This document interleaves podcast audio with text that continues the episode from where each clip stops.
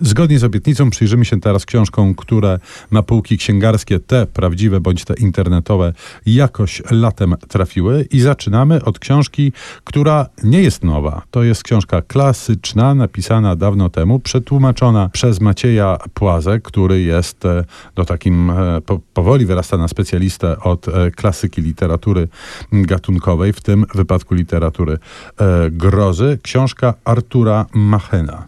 No tak, literatura grozy ale to właśnie jest za mało powiedziane, bądź niewystarczająco powiedziane. Artur Machen, Wzgórze Przyśnień, tak nazywa się ta książka, przepięknie zresztą wydana, z bardzo, bardzo dużym posłowiem e, tłumacza, czyli Macieja Płazy właśnie, bardzo słusznym zresztą posłowiem w tym sensie, że sporo jest do powiedzenia o Machenie.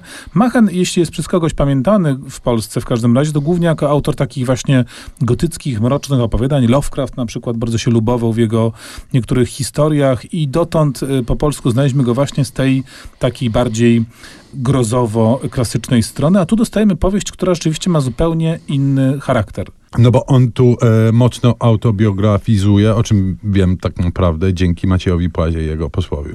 Rzeczywiście ta książka jest oparta na osobistych doświadczeniach Artura Machena, chociaż to nie jest autobiografia jeden do jeden. Na pewno mamy opowieść o pewnym wrażliwym młodzieńcu, który gdzieś tam na walijskiej prowincji dorasta w dość ubogim domu i który pałęta się, dużo tam jest chodzenia właśnie, pałęta się po, e, po, po bezdrożach i drogach okolicznych i w pewnym momencie na pewnym wzgórzu przeżywa coś w rodzaju ni to fantastycznego, ni to mistycznego, ni to onirycznego doświadczenia, magicznego, ale nie do końca wiemy, czy to prawda, czy to sen, czy co tu się dzieje. to, to się młodym ludziom często zdarza. To, ale jemu się zdarzyło bardziej, to rzeczywiście go naznacza i to jakby na, napiętnuje y, jego dalszy los, los pisarski. Bardzo dobra powieść i Płaza zresztą świetnie pokazuje, jak poprzez pewne niedomówienia, pewne nieoczywistości, pewną wieloznaczność tego tekstu, on się staje znacznie bardziej interesujący, niż gdyby to było po prostu regularne opowiadanie grozy, jakie później i wcześniej Machen pisywał.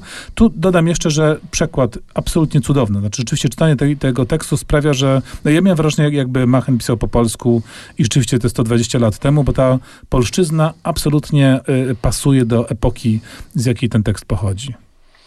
No a teraz przed nami rzecz e, zupełnie nowa, w tym sensie, że zupełnie niedawno napisana. To e, dzienniki Krzysztofa Wargi.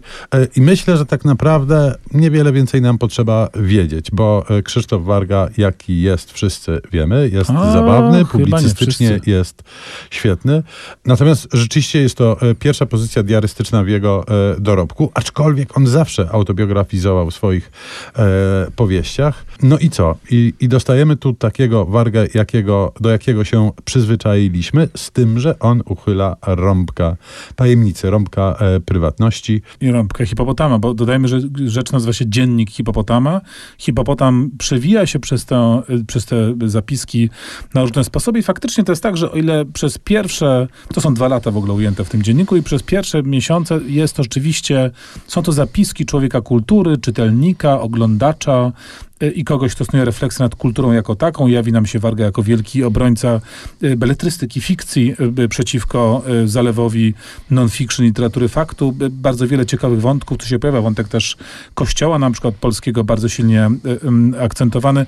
Nie bez znaczenia, bo dziennik obejmuje czas, kiedy Warga pracuje nad swoją, wciąż jeszcze nieukończoną, nową powieścią dziejącą się w katolickiej szkole męskiej, ale z czasem rzeczywiście pojawiają się pewne akcenty osobiste, które hmm, no Warga trochę uchyla rąbka tajemnicy, a trochę nie uchyla i rzeczywiście zostajemy z pewnym poczuciem tajemniczości. To czekając na e, nieukończoną jeszcze powieść Krzysztofa Wargi, muzyka ze filmu jednego z ulubionych reżyserów autora, Paulo Sorrentino.